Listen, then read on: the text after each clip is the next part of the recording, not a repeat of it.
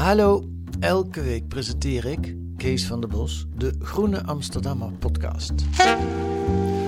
Het is een gesprek met een journalist die die week een spraakmakend artikel publiceert in De Groene. Waarom dit verhaal? Was het moeilijk om het te maken? Wat waren de uitdagingen? Wat brengt het ons? En wie is die journalist eigenlijk? Elke week een goed gesprek in de podcast van de Groene Amsterdammer.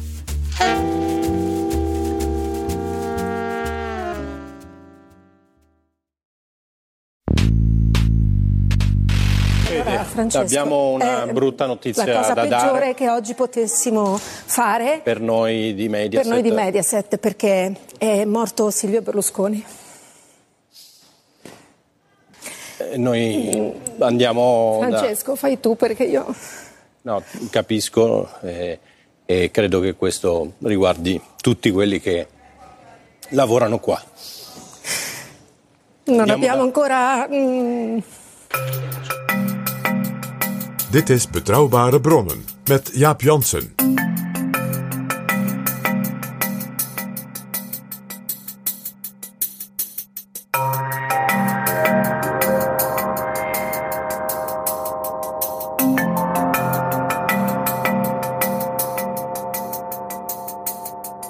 Hallo, welkom in Betrouwbare Bronnen, aflevering 356. En welkom ook PG. Dag Jaap. PG, wij hoorden zojuist het ochtendnieuws van kanale Cinque, waarin met veel droefenis aangekondigd werd het verscheiden van Silvio Berlusconi. Ja, de omroepers van zijn eigen station, onderdeel van het grote Mediaset, overigens gevestigd aan de Zuidas in Amsterdam, die hielden het niet droog, want ze noemden het Il Peggio Giorno, de ergste dag. Met het overlijden van Silvio Berlusconi verliest Italië een karaktervol mens. Hij was de eerste Italiaanse premier met wie ik samenwerkte en hij blijft in mijn herinnering als een markant en gepassioneerd politicus, schreef Mark Rutte op Twitter. Daar is een paar uur aan gewerkt aan hoe gaan we dit formuleren, Jaap.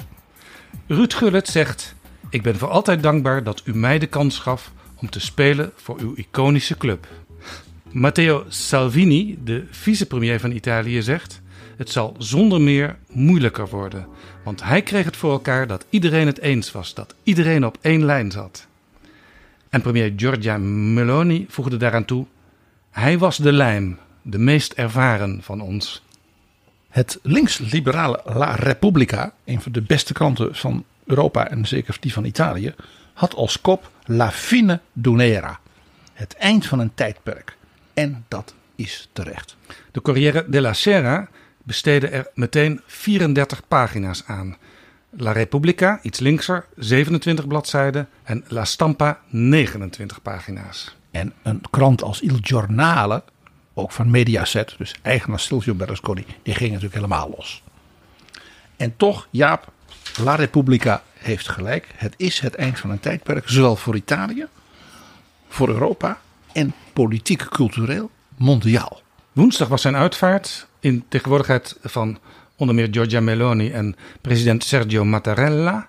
En ook de oud-premiers Mario Draghi, Mario Monti, Matteo Renzi en Paolo Gentiloni waren in de kathedraal van Milaan. En namens Nederland was minister van Staat Jan-Peter Balkenende afgevaardigd. Dat laatste is natuurlijk terecht.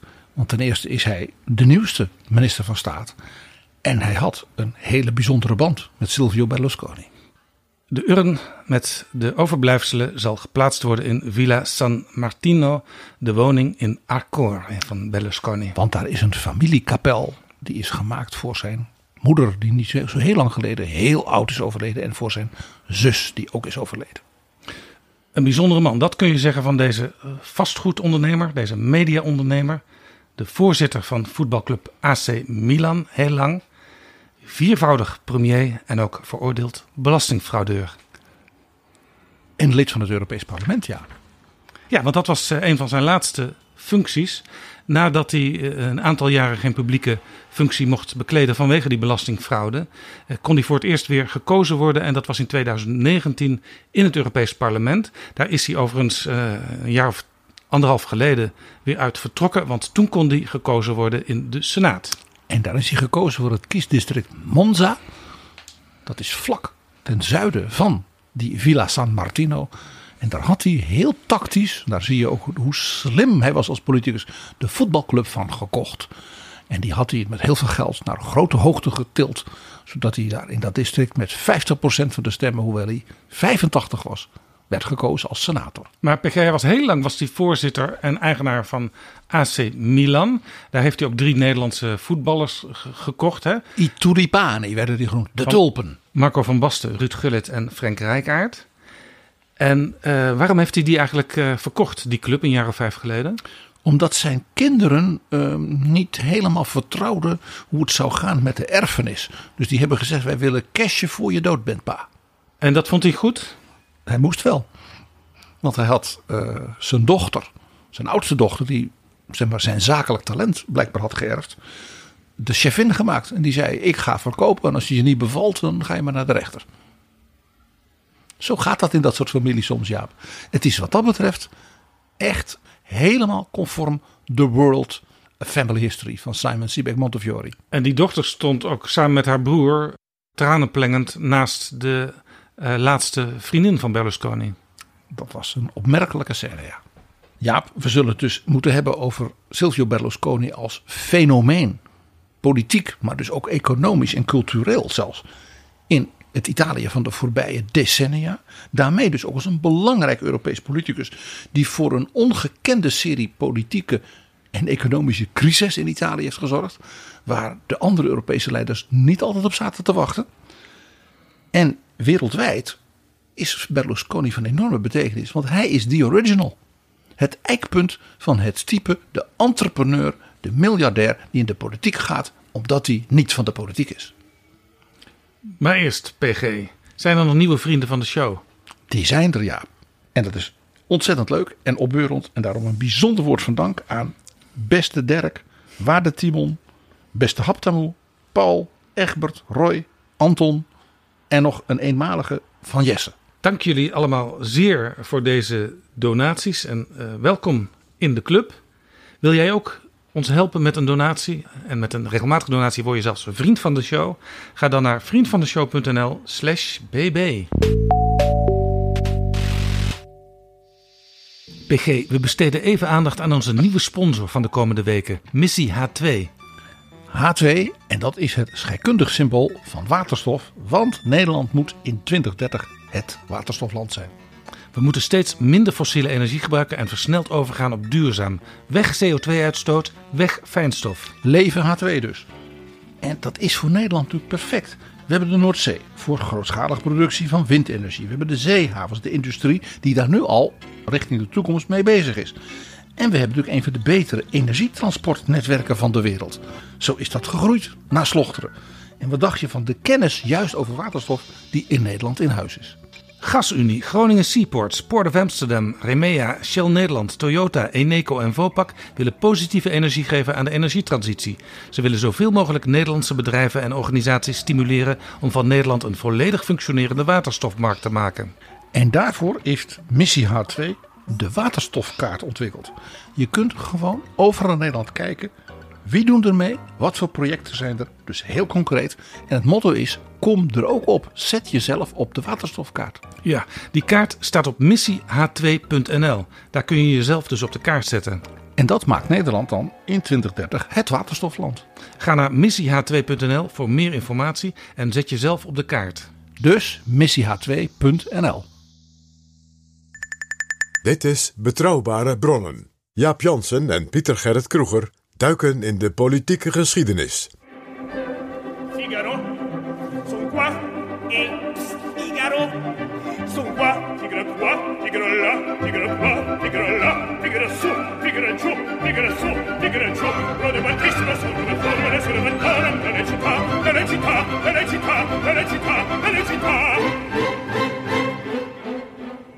brava figaro, brava bravissima, ah, brava figaro, brava bravissima, fortunatissima, fortunatissima, fortunatissima per verità. La la la la la la la la la la la la la la la la la la la Ode Vertuna, ode Vertuna, ode Vertuna non mancherà.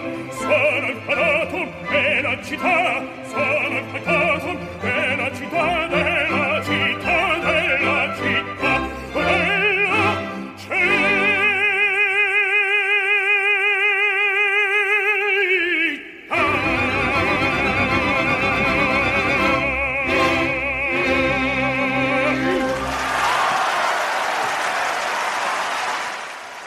Largo al Fatotum uit De Barbier van Sevilla van Rossini. We hoorden Dimitri Vorostovsky. En waarom beginnen we hiermee? Silvio Berlusconi was de factotum, de ondernemer, de kapper die voor elke vrouw en voor elke vraag een oplossing had. Die elk probleem oploste. En in deze opera, daarom heet hij ook de kapper van Sevilla, speelt in Sevilla. Binnenkort Spanje, Europees voorzitter. Hij lost ook het grootste probleem op, namelijk dat meisje dat verliefd is op die jonge edelman. Maar dat wordt bewaakt door haar oom, want die wil een ander uithuwelijken. Maar ook dat probleem lost Figaro op. Hij kon alles en hij was een slimme ondernemer. En hij was charmant en hij kreeg alles voor elkaar wat hij wilde.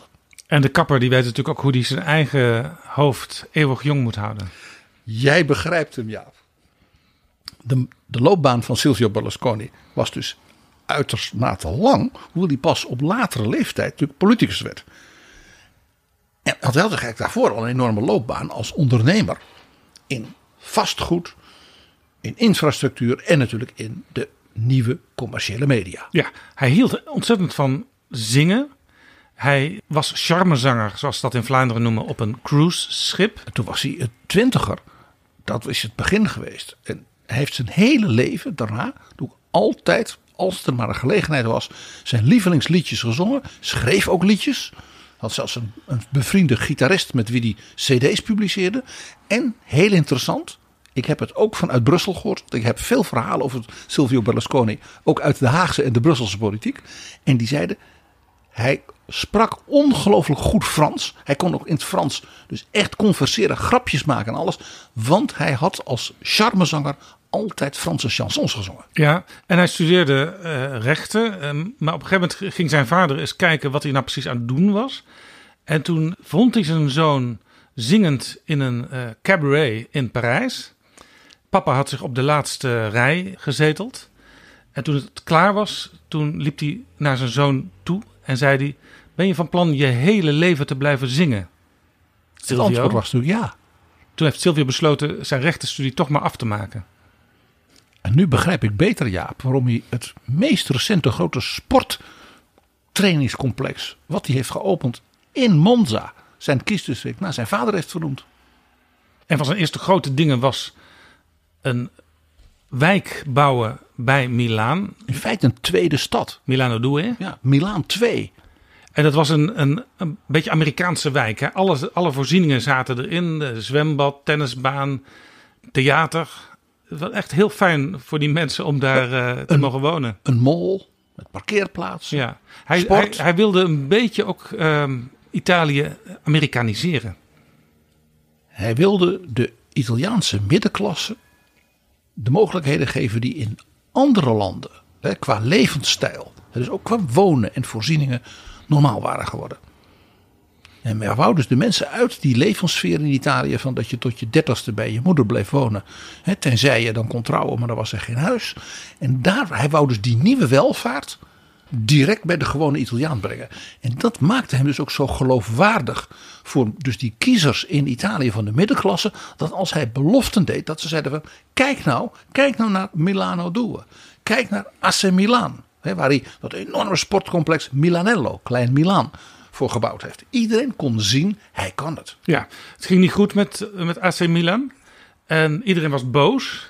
Ze hielden van die club. Maar ja, eh, als je geen eh, doelpunten meer dan houdt het natuurlijk snel op. Hij nam die club over, haalde drie Nederlandse voetballers er naartoe.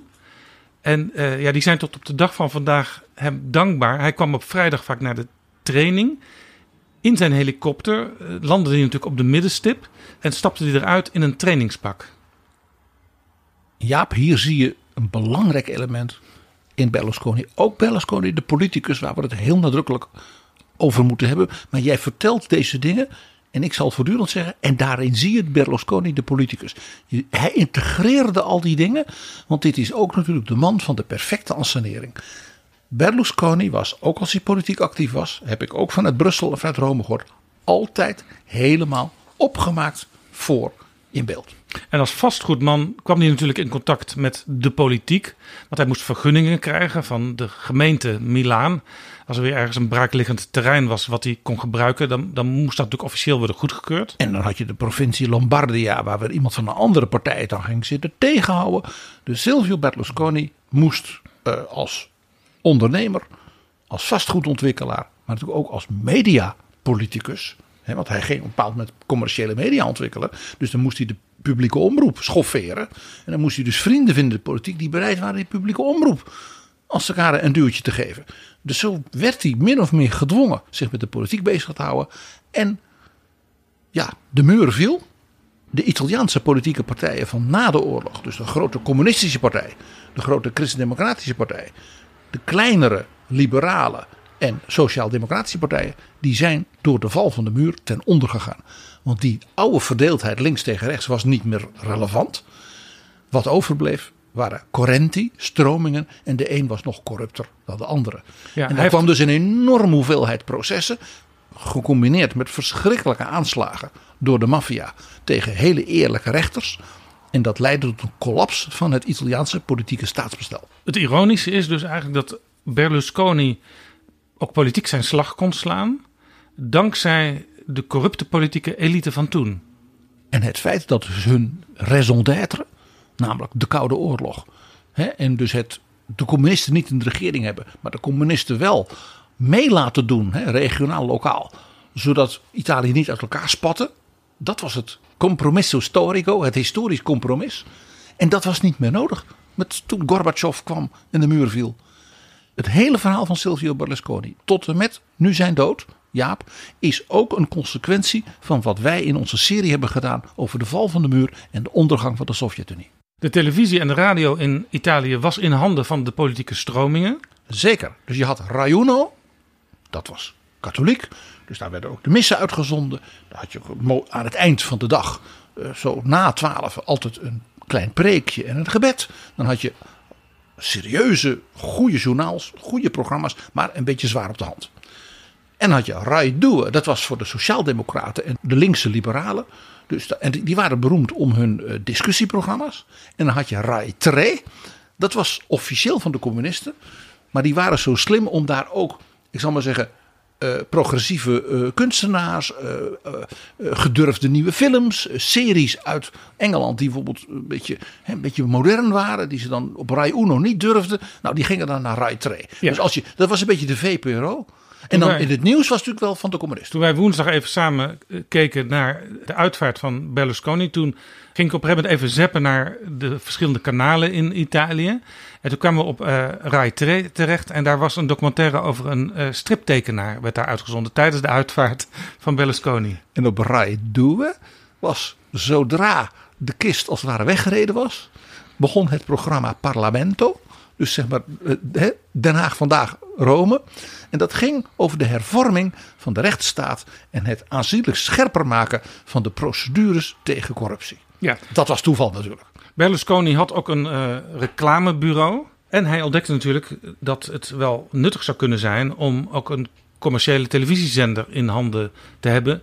Eh, maar dat mocht niet in Italië. Je mocht op nationaal niveau geen eh, commerciële televisie uitzenden. Maar een creatief man als Silvio Berlusconi was niet voor het eerste gat gevangen. Nee, want er werd wel mondjesmaat eh, commerciële televisie toegelaten op, eh, op lokaal en regionaal niveau. Dus ging hij praten met die regionale bestuurders. Dan zei hij: Ik ga een programma voor jullie maken. Met nieuws waar jij dan positief in naar voren komt als prefect.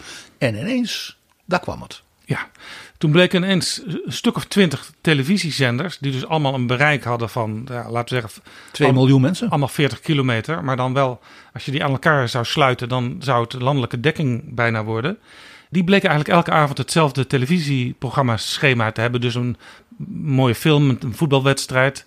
Het eh, journaal met veel nieuws natuurlijk over die interessante Berlusconi... die allemaal dingen aan het doen was voor de mensen. En een grote show. Want hij hield van grote shows. Officieel was dat allemaal nog steeds regionale televisie. En Jaap, hou even vast. Zo heeft hij zijn politieke partij gemaakt. Want toen hij merkte dat dat die klassieke politieke partijen volledig instortten. Hè, dus geen credibility meer hadden. De ene belangrijke politieke leider na de ander of niet meer mocht. Zijn grote beschermheer was Bettino Craxi, de leider van de Sociaaldemocraten. Die is gevlucht naar Tunesië en is door de dictator van Tunesië een villa gegeven. Want daar bleek hij ook eh, zaken mee gedaan te hebben, zodat hij niet uitgeleverd kon worden aan Italië. Craxi was sociaaldemocraat, eh, maar het maakte hem, Berlusconi, als handelaar natuurlijk niks uit met wie die zaken deed, als er maar resultaat uitkwam. En zo keek hij dus ook naar de Italiaanse politiek. En die dacht, ja, voor de, de brave kiezers van het midden, om het maar zo te zeggen, is er nu niks meer. En ja, de communisten die hebben zichzelf dan opnieuw uitgevonden als een soort links-progressieve partij. Eh, alsof die dan niet corrupt waren geweest. Nou, dat, iedereen wist wel beter natuurlijk. En Berlusconi heeft dus vanuit die regionale zenders een partij opgericht. Dus hij heeft al die regiodirecteuren van hem in al die steden waar zijn programma's gemaakt werden gezegd: jullie gaan ter plekke met jullie jonge managers een politieke partij oprichten. En die heette Hup Holland Hup. Forza Italia. Want dat is wat de Italianen zingen in het stadion bij het voetballen. En dat zagen we afgelopen woensdag ook bij die uitvaart. Dat uh, bij de Dom in Milaan aanhangers van AC Milan en, en, en ook zijn huidige voetbalclub uh, Monza stonden. Met enorme vlaggen met daarop Noi, wij. En die gingen ook voetballeuzen scanderen. Wat ik ja, een beetje de deftigheid in het gedrang vond. Maar Italianen vinden het waarschijnlijk prachtig. Het was in elk geval levendig. En het was ware emotie. Ze heten er ook in Italië zulke mensen tifosi. Naar de ziekte tyfus. Hè, dat je zulke zware koorts hebt dat je niet meer te houden bent. Wat deed Berlusconi met dat Forza Italia? Hij heeft op al zijn zenders zendtijd van zichzelf gekocht. En toen begon hij als volgt met dat speechje. Italië is het land waar ik van hou. E ora chiedo di scendere in campo anche a voi, a tutti voi. Ora, subito, prima che sia troppo tardi. En hij zei: Ik wil mij nu wijden aan het land en aan de burgerij.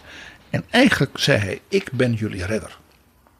Hij was een soort Jomanda, soort wonderdokter. Hier was er een miljardair ondernemer die uit pure vaderlandsliefde en bezorgdheid om de gewone man, zijn vernuft, zijn economische visie en zijn zakelijkheid en zijn onpolitieke kant wilde inzetten voor de goede zaak.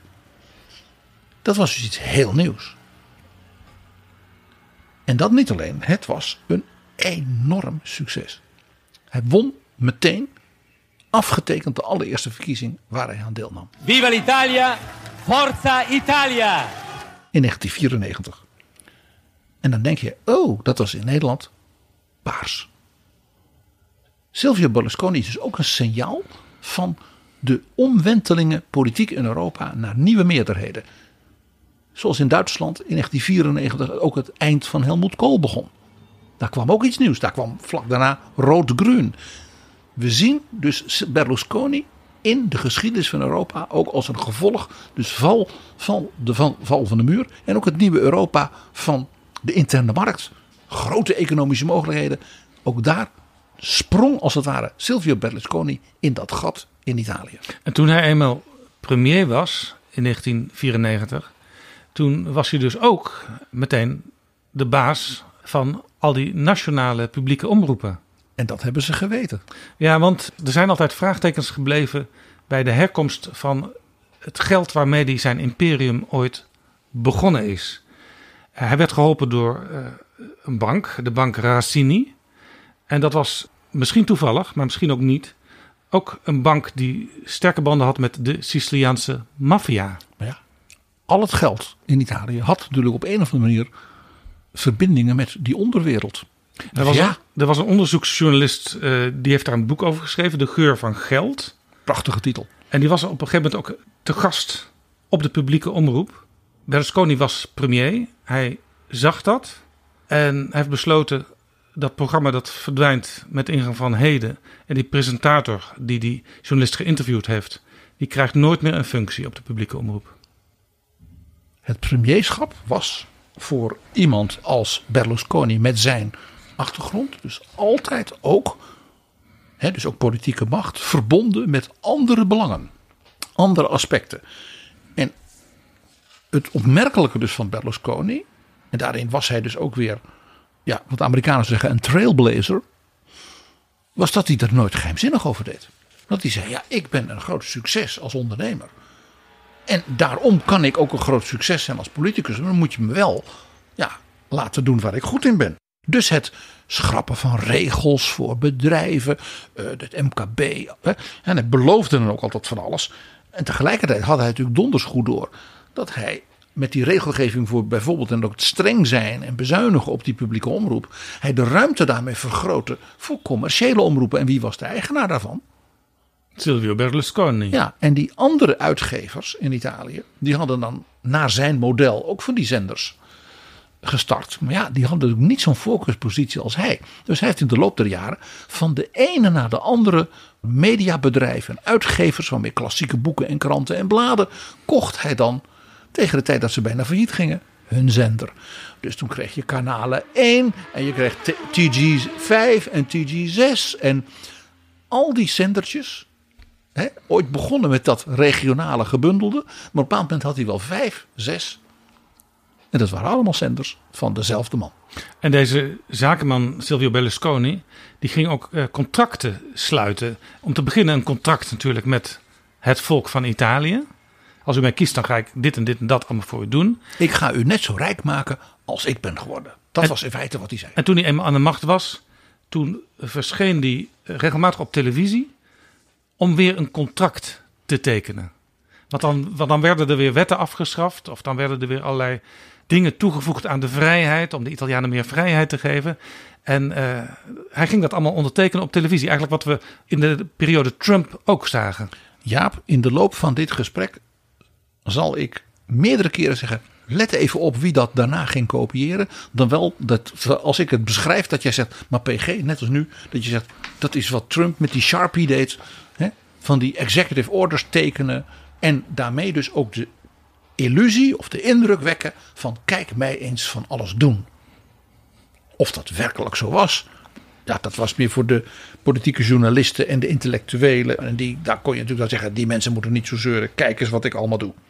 Berlusconi's dus zeer actieve en vooral ook heel zichtbare activistische rol in de politiek was dus ook altijd nieuws. En daarmee was hij zelf nieuws. En als eigenaar van kranten, weeksbladen, boekenuitgevers, want dat was hij ook allemaal. En natuurlijk die televisiestations, leverde hij in feite de beste kopij aan de journalisten die hij ook nog een salaris betaalde. De neiging om dan iets aardigs over die man te schrijven nam natuurlijk wel toe dan. Hè? Ja, en, zo werkt dat. En het werkt ook nog zo dat de televisiezenders die niet van Berlusconi waren, die zagen, hé, hey, uh, die Berlusconi-zenders, die, die zijn populair. En misschien worden wij ook weer populair als we iets meer aandacht aan Berlusconi en zijn strapatsen gaan besteden. Dan wel dat ze zeiden, ja, wij kunnen die hele nieuwe dure serie uit Amerika niet betalen. Of zo'n enorme show met allemaal beroemde zangers en zangeressen en dames in prachtig in het lang. En verder weinig stof. Uh, uh, ja, hij wel. En dat trekt uh, kijkers. Ja, en, en, dan is hij ook vaak de surprise guest. De hoeveelheid keren, ja, dat Silvio Berlusconi de verrassingsgast was in de shows van zijn eigen zenders. Ja, dat was gewoon een vast ding. Il presidente Silvio Berlusconi. En daarmee deed hij nog iets. Hij is de eerste, dus die original, zeg ik altijd, van de vermenging van entertainment, sport, politiek en heel hard zaken doen. En ook in Nederland raakten we gefascineerd door Berlusconi. Jan Driessen die vertelde deze week, die werkte voor Cairo Netwerk, dat hij bij Berlusconi op bezoek ging voor een interview. En dat Berlusconi ter plekke besloot om niet op de bank te blijven zitten, maar op de rand van de bank te gaan zitten. Zodat Jan Driessen, die langer was dan Berlusconi, naar hem op moest kijken. Alles wat ik al zei. Ansenering. Facciare la bella figura, zoals dat in Italië heet. Het mooi maken. Denk als je in Italië bent, il corso. De wandeling. Na vijven, vers pak aan. Wandelen, gedag zeggen, vrienden tegenkomen. Ciao bella roepen tegen die mevrouw. Zo voerde Berlusconi dus ook politiek. En zo werd hij, dat moeten we toch noteren, de langst zittende premier van Italië van na 1945. En dat deed hij nog tot een, een weekend of wat geleden, las ik in de Volkskrant. Want de verslaggever was naar Milano Due gegaan. Die wijk die hij ooit als eerste grote wijk heeft gebouwd. En iemand vertelde haar: Goh, ik heb hem eh, onlangs nog gezien op het pleintje hier. Die man was springlevend. Hij had de zaterdag voor zijn dood op maandag nog zijn kopje koffie gedronken en de mensen gegroet. En nog een keer had genoten van dat die mensen zo blij waren dat ze woonden in Milano Due. Nou, dat gun je een man vlak voor zijn dood. Maar dat geeft ook aan, het was ook daar weer facciara la bella figura. Daarbij is het ook interessant te noteren, politiek weer, dat, dat Forza Italia periodes had dat het 30% en meer had. Bijvoorbeeld ook bij Europese verkiezingen. Dan scoorde hij vaak heel goed. Maar ook wel eens 7% hè, bij de laatste verkiezingen. En Forza Italia ging helemaal niet voortdurend onder de naam Forza Italia naar de kiezers. Want wat een van de meest interessante en dus leerzame dingen voor de decennia sindsdien uh, is van Berlusconi. Hij had elke verkiezing eigenlijk weer een nieuwe partij. Of een nieuwe combinatie van partijen. Hij had Il Polo della Libertà. De pol, dus de, de, de, de, de, de, de, het kern van de vrijheid. Dan had hij een tijdje lang, dat heette Il Popolo della Libertà. Het volk van de vrijheid. Daarna heette het La Casa della Libertà, het Huis van de Vrijheid. En het waren vaak andere partijen die met Forza dan weer een soort combi vormden. Uh, en die waren dan dus altijd het centrum van de vrijheid. Ook al zat daarin een Allianza Nazionale van meneer Fini, wat in feite de vroegere neofascisten waren. Ja, het was zelfs zo dat de Lega Nord, met wie Berlusconi samenwerkte, en de Allianza Nazionale, die lusten elkaar niet. Die wilden niet met elkaar samenwerken, maar Berlusconi had ze allebei nodig om een meerderheid te krijgen. Wat deed hij nou? Hij zei, nou dan ga ik in het noorden een alliantie sluiten met de Lega Nord. En in het zuiden met de Allianza Nazionale. Dus, dus in het parlement was het gewoon uiteindelijk één meerderheid. Maar die werkten officieel niet met elkaar samen, maar wel via Berlusconi. Ja, maar hij noemde het de lijst Il Popolo della Libertà. En of dat nou het Volk voor de Vrijheid in het noorden die partij was. En het Volk van de Vrijheid in het zuiden een hele andere partij. Die elkaar als we de tent vochten. Dat deed er even niet toe. Het ging allemaal goed. Giorgia Meloni, nu premier. Van de Fratelli d'Italia. Ook weer zo'n titel. De Broeders van Italië. Dat is ook de openingstekst van het volkslied en het partijlied van Mussolini. Mevrouw Meloni komt uit die Allianza van meneer Gianfranco Fini. Zij was ook de allerjongste minister ooit door Berlusconi aangewezen. Op haar 31ste werd zij minister van Jeugdzaken. Want hij had dus die, die, die vleugel had hij nodig voor de meerderheid. En wat zij zei bij zijn dood, hij was eigenlijk onmisbaar, want hij was de lijm. Uno degli uomini più influenti della storia d'Italia. A consentirgli di imprimere delle vere e proprie svolte nel mondo della politica, della comunicazione, nel mondo dell'impresa. Con lui l'Italia ha imparato che non doveva mai farsi imporre dei limiti, ha imparato che non doveva mai darsi per vinta. Con lui noi abbiamo combattuto, vinto, perso molte battaglie e anche per lui porteremo a casa gli obiettivi che insieme ci eravamo dati. Addio Silvio. Hij was de lijm, PG, maar hij was ook een strijder, zegt ze. Ja, tuurlijk, een strijder. Maar hij, hij hield de zaak op zijn manier bij elkaar. Maar wel een beetje plakkerig. Ja, het tweede kabinet Berlusconi, dat is het kabinet wat het langst zat van alle naoorlogse regeringen in Italië.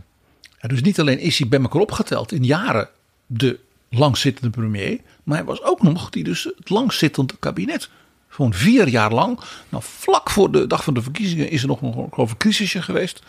Uh, maar eigenlijk was dat dus een regulier parlementair kabinet zoals Italië dat nooit had. Nee, dat is dus een enorme verdienste. Want in Italië werd elk jaar wel weer een nieuwe regering uh, gevormd. Er is een boekje over het andere Italië in 2013 verschenen, geschreven door Henk Bleker.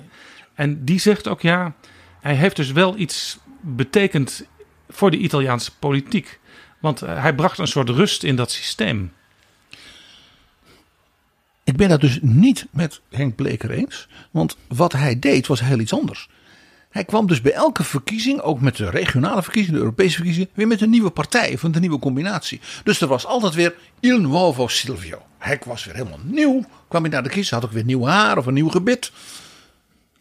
Hij was dus altijd nieuw en dus was hij nieuws. Dus was hij ook weer verrassend. Ja, het was, het was ook vaak zo dat eh tussendoor... En dezelfde. Ja, tussendoor een linkse regering was geweest. En dat leidde er dan toe dat hij na een jaar of drie, vier eh, de mensen weer kon mobiliseren om toch weer terug te keren naar het oude nest. Wat dan een, weliswaar een nieuwe naam had. En dan kon hij toch weer een periode gaan regeren. Dus dan was hij weer helemaal nieuw, hè, inclusief eh, zijn, zijn haar. Dat verrassend weer meer was dan de vorige keer. En hij was dezelfde en zichzelf. Ja. Want hij was toch de enige die zo kon zijn. Dus hij was herkenbaar en vers. Hij was dus klassiek en innovatief tegelijk. Jaap, denk eens aan iemand als Sebastian Kurz. Die heeft goed gekeken naar, naar Silvio Berlusconi. In Oostenrijk. Altijd hetzelfde gladde haar. Hij was altijd hetzelfde, maar kwam altijd weer met een nieuwe partij.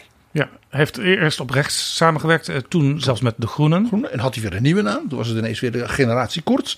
Wat dacht je van Jan Nagel? Die heeft ook heel goed gekeken. Ja, werkte bij de VARA Radio, zat voor de Partij van de Arbeid in de Eerste Kamer. En kwam altijd weer met een nieuwe partij. Ja, leefbaar Hilversum, leefbaar Nederland, leefbaar Utrecht. Hij kwam met Pim Fortuyn, die werd vervolgens weer gedumpt. Toen kwam hij met Fred Teven, Emiel Ratelband. Toen kwam 50 plus. Nou, hoeveel? Henk Krol, Martin van Rooyen. Maar Jan Nagel bleef. En bleef Jan Nagel. En dat is dus heel erg Silvio. Nou, ja, ik mag, mag het misschien ook zeggen. Joost Eertmans. Altijd diezelfde bril, maar wel altijd een andere een nieuwe partij en het weer proberen. En zeer interessant, er is één iemand die openlijk heeft gezegd: Voor mij is Silvio Berlusconi de grote leermeester. Pim Fortuyn, Nee, Viktor Orban. de Hongaarse leider. Dus je bent een man van de vrijheid? Popolo della Libertà. En je gaat op rechts nog steeds meer binnenhalen. En je gaat ook ondernemingen doen. En je gaat zaken doen met de politiek. Timothy Garton Ash zei tegen ons: Ja, ik was zijn leraar. Begaafde jongen, Hongaar. Wij zagen heel veel in hem in Oxford. En hij wilde een modern, vrij Europees Hongarije. En toen plaagde hem. Nee, ik ben helemaal niet gelukt als leraar. Hij koos als leraar Silvio, niet Timothy. Viktor Orban was er ook als de kippen bij toen Berlusconi overleden was om eh, ja, zijn dankbetuiging te publiceren. Nog sneller dan Mark Rutte. En hij was als een van de weinige regerende premiers in de Dom van Milaan. Het was dan ook niet Berlusconi die actief was bij het uit de Europese Volkspartij werken van de partij van Orbán Fidesz. Ik noemde Pim Fortuyn, want die keek ook naar Berlusconi als voorbeeld. Pim Fortuyn vereerde Silvio Berlusconi. Het was natuurlijk in de periode waarin Fortuyn overwoog om de politiek in te gaan, dat Berlusconi premier was voor het eerst. En al die dingen deed die Fortuyn natuurlijk riep. Zakenmensen in de politiek, vastgoed, bobo's, de Harry Mensen, de Ed die dachten allemaal dat zij Pim's Silvio zouden zijn. En eh, Fortuyn had natuurlijk ook iets met Italië. Piazza di Pietro heette zijn huis in Rotterdam. Hij had op een gegeven moment ook een eh, tweede huis in Italië. En hij heeft, zo weten wij, meerdere keren geprobeerd om bij Berlusconi in Rome op bezoek te kunnen. Maar de staf van Berlusconi had geloof ik niet zoveel met dat soort voormalig marxistische hoogleraren sociologie. Dus dat is nooit wat geworden. Hoi, ik ben Alexander Klupping. Ik weet dat jij, net als ik, met heel veel plezier luistert naar betrouwbare bronnen. Maar je zou Jaap en PG echt helpen als je nu vriend van de show wordt. Dat kan met een donatie, per maand of per jaar. En dan kunnen ze nog veel meer afleveringen maken en zeg nou zelf, dat wil jij ook. Dus ga nu naar vriendvandeshow.nl slash bb. En doe het niet straks, maar nu. Ik zei al, hij was dus altijd nieuw. Hè? De nieuwe Silvio. Een nieuwe geliefde. Nieuwe tanden. en dezelfde. Jaap, ik zal jou in heel kort bestek het verkiezingsprogramma dat 30 jaar lang door Silvio werd gebracht. Het was altijd hetzelfde. Dus hij was altijd weer die wonderdokter die zich presenteerde aan het volk. Dit is het wat ik kan doen met mijn toverstokje. En dan worden jullie allemaal heel gelukkig. En daarin herken je natuurlijk ook weer een beetje Donald Trump. Die in al zijn rallies altijd hetzelfde verhaal vertelt. The border, Mexico will pay. Of het waar is, doet er niet toe. Only I can save this nation. Ja, en ook uh, grapjes maken ten koste van uh, alle anderen. Het verkiezingsprogramma. Ik zal het in hoog tempo doen. Dan kan jij er wel bij zeggen: Oh, dat herken ik van die partij of van die partij of van die partij. Om te beginnen: belastingverlaging voor iedereen, vooral voor de ouderen en de middengroepen. En je hoeft helemaal daarvoor niet te bezuinigen op uitgaven. Want we gaan gewoon met minder regels de efficiëntie van overheden verhogen. En dat levert natuurlijk bij toverslag miljarden op. En dat is vooral fijn door minder regels op het huizenbezit. Het denk eigen huis, tweede huis, vastgoed en natuurlijk het MKB. Hij kon altijd bijna vol schieten als hij het had over winkeliers. Dat betekende dus dat je alle dingen die de gewone man fijn vond, dat de overheid dat deed, dat je daar nooit hoefde, op hoefde te bezuinigen. Dus als door een wonder kreeg je minder belasting, hoefde je te betalen. En je hield alles wat je had.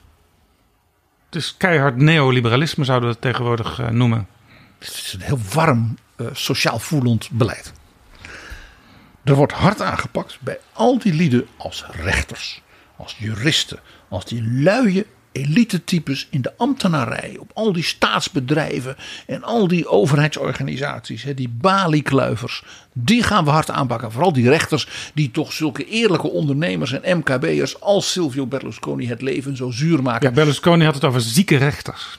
En, en, en, en af en toe riep hij ook gewoon klootzakken. Stranzi. En vooral giudici fiscale. Hij was niet van de taxpayers advocate. Of hij vond dat hij zelf de taxpayers advocate was.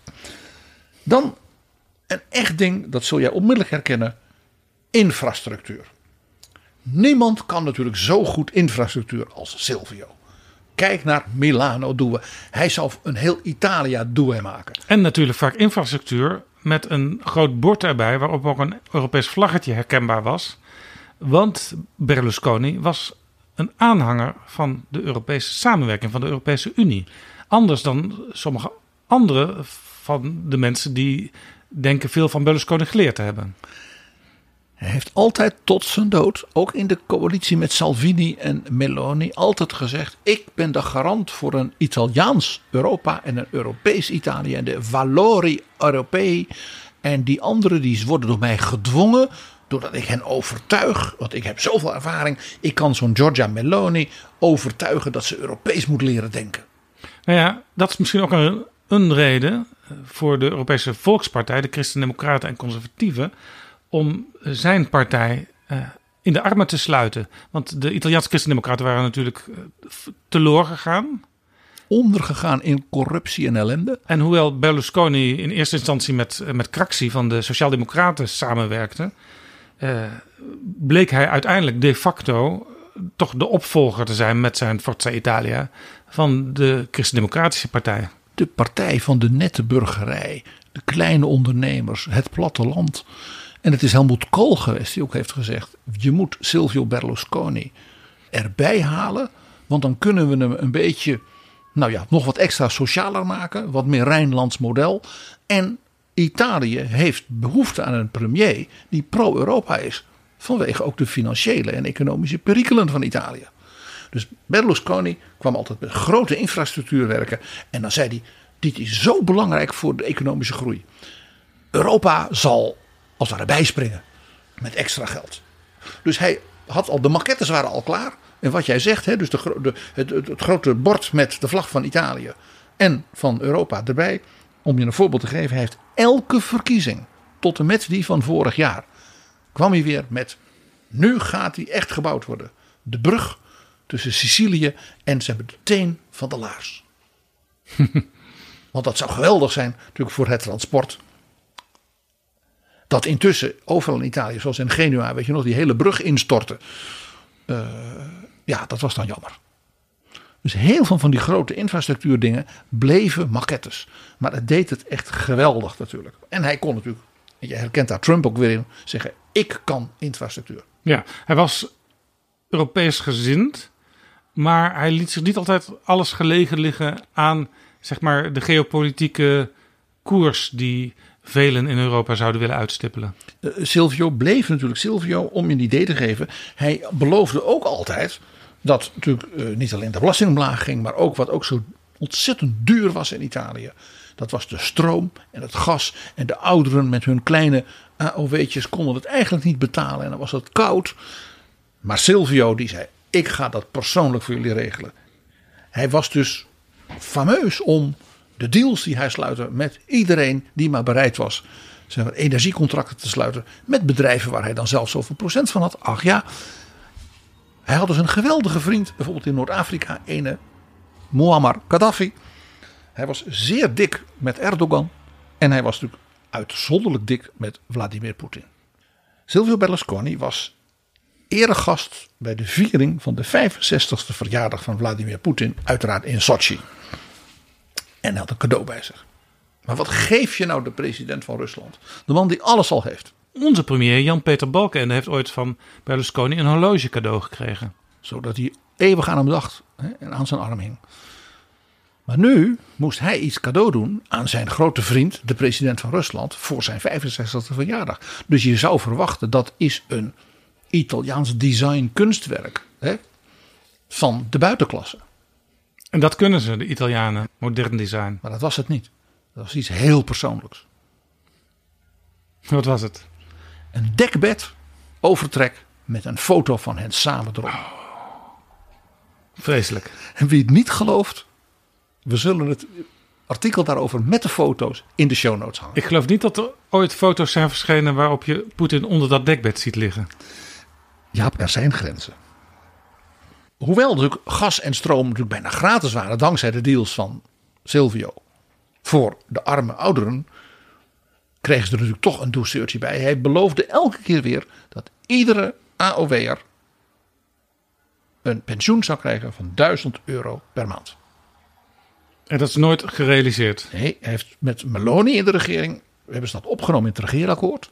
heeft hij geëist dat het bedrag ook meteen zou worden overgemaakt. En toen hebben ze uitgelegd dat de, zeg maar, de meerjarenramingen van de regering Draghi iets te zuinig waren daarvoor. Maar dat ze met de kerst een eenmalig eh, soort uh, douceurtje.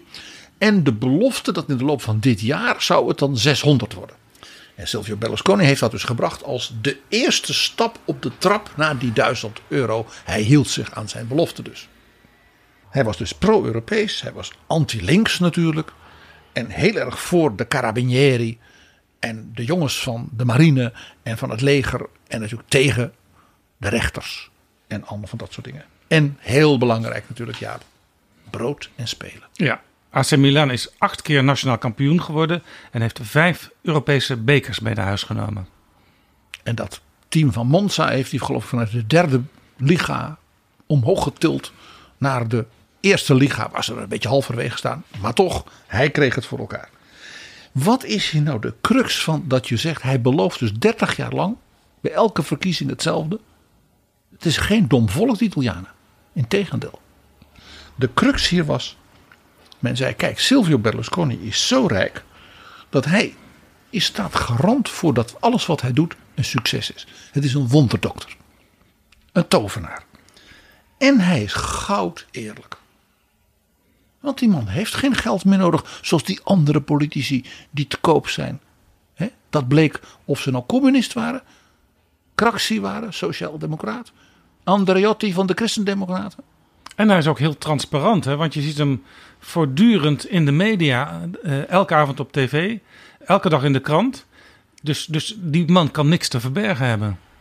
En als hij een keer iets fout doet, en dat komt een keer voor, dan geeft hij het eerlijk toe. Dan is het een una battituta. Het was maar een grapje. Als het een niet zo verstandige uitspraak was, die hij wel eens deed. En dan werd er gelachen. Hij was dus ook entertaining. Hij was dus en superieur als ondernemer, als politicus, visionair en gewoon een man van het volk. Hij was zoals gewone mensen denken dat heel rijke mensen leven. Hij was dus ook vooral een puur sang entertainer. En al die entertainment, zijn grapjes, zijn shows, het voetballen leidde natuurlijk af van het feit dat, die, dat het verkiezingsprogramma, dat niet elk punt daarvan meteen gerealiseerd werd. De maquette van die brug naar Sicilië staat op instorten. Ja, hij was dus ook bij wijze van spreken de ideale talkshowgast. Want, want hij kon overal over meepraten. Hij kon ook heel makkelijk van de hak op de tak springen. Als het even te politiek werd, dan, dan ging hij weer iets vrolijks zeggen. Eh, ik laat, als je het goed vindt, Jaap, een klein stukje horen uit een tv-show. waar hij bij een linkse omroep zich heeft laten uitnodigen. En de, zeg maar, de interviewer en hij gewoon volledig verbaal op elkaar losgaan. Ma cosa dice? Allora Sallusti cos'è? Cos'è? Cos'è? Certo lo squartatore! Ma non dica sciocchezze, abbiamo fatto una battaglia anche in difesa di che Sallusti. fosse il peggio, ma è ancora peggio del peggio. Eh, Bravo. sono peggio del Complimenti. peggio, no, guardi, non gliela do la mano. Quando Ma fa certo, così, non- non no, se la merita. non mi piace questa cosa. Ah, che lei, lei fa, non piace a lei me. si fa imbeccare dai suoi scrittori. No, Dio, ma perché no, lui si fa ma imbeccare per favore, dai suoi un amici uomo- giudici un uomo che gli come lei- passano il copia E- e E lei che dovrebbe fa. essere un po' superiore, no? Se fosse così. Berlusconi maakte er gewoon een enorme ruzie van in zo'n tv-show. En die interviewer, of hoe je het verder noemen wil, die presentator, die deed gewoon heerlijk mee. Ja, wat roepen ze tegen elkaar? Vergognosa! Schandalig! Vergogna is woede, is schande. Ik, wil, ik, ik loop weg. Dat betekent het allemaal. En hij liep toch helemaal niet weg. Het was feest. Dit was natuurlijk ook entertainment. Het was ook macho gedoe natuurlijk. Ik las ook in een van de Nederlandse kranten van een verslaggever die met Italianen was gaan praten op straat. Eh, mensen die zeiden: Ja, ehm, misschien zullen ze het niet toegeven, maar veel mannen willen toch zijn als Berlusconi. Daarom waren we allemaal zo gek op hem. Eh, een, een vriend van mij die heeft verteld dat hij deed wat we natuurlijk bij bekende politici, bijvoorbeeld in Amerika, nu ook zien. Dat hij in zijn eigen shows inbelde. Als hij bijvoorbeeld vond dat het gesprek de verkeerde kant op ging. Of als hij vond dat er onvoldoende lof was voor zijn eigen prestaties, waar toch het programma over moest gaan. En zo is het voorgekomen dat er een debat was tussen vrouwelijke journalisten en politici over hoe vrouwen in de samenleving meer respect verdienden. En daar zat een linkse journalist erbij en die gaf als voorbeeld natuurlijk van dat disrespect, je raadt het al, Silvio Berlusconi. En terwijl zij in debat is met een vrouw die zegt, nou, op links zijn toch ook vaak macho's, hè? ging de telefoon en de omroeper die dus de zaak in gesprek leidde, die zegt, ja, ik heb de premier aan de lijn. Dus die werd op de speakerphone gezet en die zegt: Hoe durft die fakes, die heks? en die gaat helemaal los op die vrouw. Hoe durft zij te zeggen dat ik vrouwen niet respecteer? Wie denkt ze wat ze is? Ze is te lelijk als de nacht. En hij heeft dus minutenlang alles, zeg maar, disrespect over vrouwen die je maar kunt zeggen. Hun uiterlijk, hun, hè, de tanden zaten niet goed. Ze had, een, ze had een slechte bril op. Niemand had zoveel respect in Italië voor vrouwen als Silvio Berlusconi. Dit doet me denken ook aan Pim Fortuyn, want die belde ook wel eens in bij bijvoorbeeld Barend en Van Dorp, de talkshow eh, s s'avonds op RTL. Jij weet dus nu waar hij dat van heeft. En tegelijkertijd dan tegen Wouter Scherpburg zegt: Ach, mens, ga toch koken. Ja. En dat dan nog leuk gevonden wordt ook. En bijna een letterlijke vertaling van wat Berlusconi deed. Pim riep ook eens: Ik heb helemaal niks tegen Marokkanen, ik ga zelfs met ze naar bed. Jaap, het zal jou niet verbazen dat in de absolute top van de Italiaanse opera-literatuur er zo iemand is. Dottore Dulcamara. De wonderdokter die een drankje verkoopt voor bijna niks. Alle ziektes oplost, alle problemen oplost, alle eenzaamheid wegneemt. En vooral het meisje geeft aan de jongen die naar haar verlangt, maar ze ziet hem niet staan. Dus die jongen in die opera, die koopt dan uiteindelijk voor 20 scudi 20 zilveren munten. Een afgekeurde fles wijn die hij opdrinkt. Hij is zo ziek dat het meisje dat stiekem wel heel verliefd op hem is, maar ze vindt hem een beetje een suffertje. L'Elisir d'amore, het liefdeselixer. Het liefdeselixer. L'Elisir d'amore. En die dokter Dulcamara die zingt dan, dan biedt hij dus aan het volk aan, het koor dus, wat meezingt met hem. Hij zegt, ik moet er eigenlijk 50 munten voor vragen. Maar ik kom uit deze streek. En la patria dolce affetto. Dus de warme liefde voor het vaderland. Zorgt dat ik u, u er maar 9 lieren voor vraag. En ik los al uw problemen op. Ik kan u een fijne korting geven. Het is Silvio ten voeten uit. We horen nu Brent Tervel, de Welsh bariton, als dottore Dulcamara uit l'Elisir d'Amore.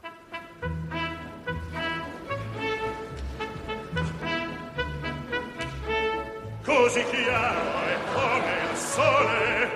ciascuno che lo vuole lo scudo bello e netto in saccoccia e a faccia entrar. Lo scudo bello e netto in saccoccia in saccoccia faccio entrar. In saccoccia faccio entrar.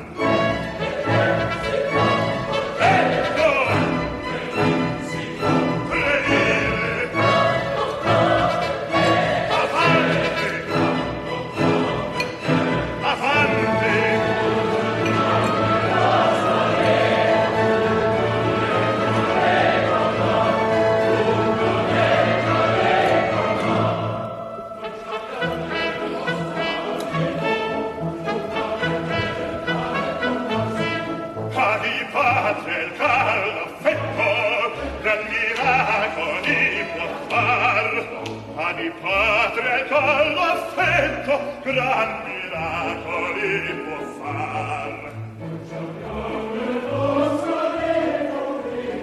Gran miracoli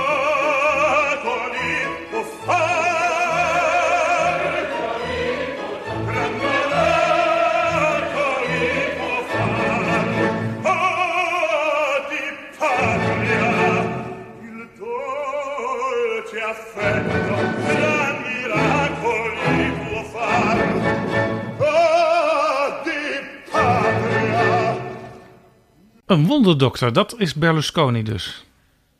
Zo wilde men in hem geloven.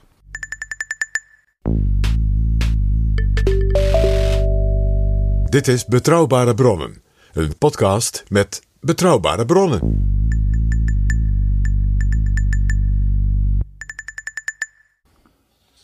En Jaap, in Europa had men natuurlijk met hem van doen. Hij was niet voor niks de langzittende premier. En was van een grote partij.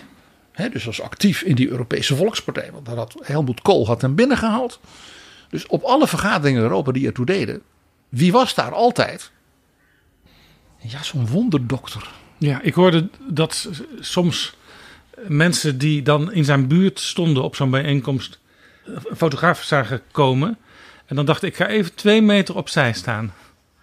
Dat ik net niet in hetzelfde beeld val. Dat soort dingen kwamen voor, ja. ja. Het was ook altijd heel dubbel bij Silvio Berlusconi in Europa. Hij had namelijk eigenlijk een diepe verachting voor de andere leiders in Europa. Want dat waren beroepspolitici. Saimansen. Mensen die bang waren, die politiek correct wilden zijn. Dus als hij zo'n Battistuta grapje maakte, wat niet helemaal goed viel. Nou ja, hè, dan keken ze inderdaad gauw de andere kant op. Het waren de soort beroepspolitici die hij in Italië dus had vervangen. En tegelijkertijd, hij had natuurlijk wat je heel vaak hebt bij dit soort mensen. Ik wil er zo graag bij horen. Hij was gewoon zichtbaar geïntimideerd door Angela Merkel. Zo'n knappe, intelligente vrouw. Zo volstrekt niet ijdel. Hij, ko- hij kon er niks mee. En hij wist tegelijkertijd, hij was afhankelijk van haar, ook politiek en economisch. En hoe ga je daar nou mee om? Hij was dus een man van het volk, maar hij wilde ook een onpolitiek zijn. Hij wilde natuurlijk serieus genomen worden. Gewaardeerd worden. Dat was ook de reden waarom hij toen in 2001 een grote verkiezingsoverwinning haalde. Dat hij onmiddellijk met premier Aznar van Spanje en de Portugese premier José Manuel Barroso zei: Wij steunen Bush tegen Irak. Met de Amerikaanse president. Stoer. Wat kunnen we doen? Kunnen we meevechten? De Fransen waren daar helemaal niet blij mee. En Gerhard Schreuder ook niet. En zijn vriend Poetin ook niet. Maar ja, met de Amerikanen. Hè, het was alsof hij als een cowboy met twee blaffers door de woestijn liep met George. Ook heel grappig. Andere Europese leiders waarvan hij wist dat die zijn populair. Die ja, die hebben, Tony Blair bijvoorbeeld. Sociaaldemocraat. Nee, dat past helemaal niet bij hem. Hij heeft van alles gedaan om bij Blair in het gevlei te komen. Dat Blair dus Bush ook steunde, maakte dat voor hem extra Nou aantrekkelijk. ja, Blair was natuurlijk van wat ze toen noemden de third way, de derde weg. Die was ook een soort post-sociaaldemocraat, een post-socialist. En dat sprak Berlusconi natuurlijk weer heel erg aan. Want hij was ook van de nieuwe politiek en de oude politiek had afgedaan. Tony was van New Labour. Silvio was van Nuova Italia. En dat leidde dus tot die fameuze scène dat Tony Blair zei tegen zijn vrouw Cherie, nou vooruit, we gaan even een keer een lang weekendje. Hij heeft ons nou zes keer uitgenodigd op zijn gigantische buiten op Sardinië. En heeft hij een boot, en dan mogen we dan. Met die beroemde foto dat Silvio met een bandana om. Ja, hij zag er een beetje uit. eh, Als een piraat. Ja, of zo'n zo'n motorrijder in Californië. Maar wat had, was er gebeurd? Hij had zijn haar laten transplanteren. En de- dan, aan het begin zit daar altijd, eh zit altijd bloedrestjes op en zo. En dat moet je dan langzaam laten genezen. En dat duurt dan een, een, een ja, maandje of misschien wel twee maanden. Dus in die zomer. Dus hij had dat gecamoufleerd met een banana. Ja, ja.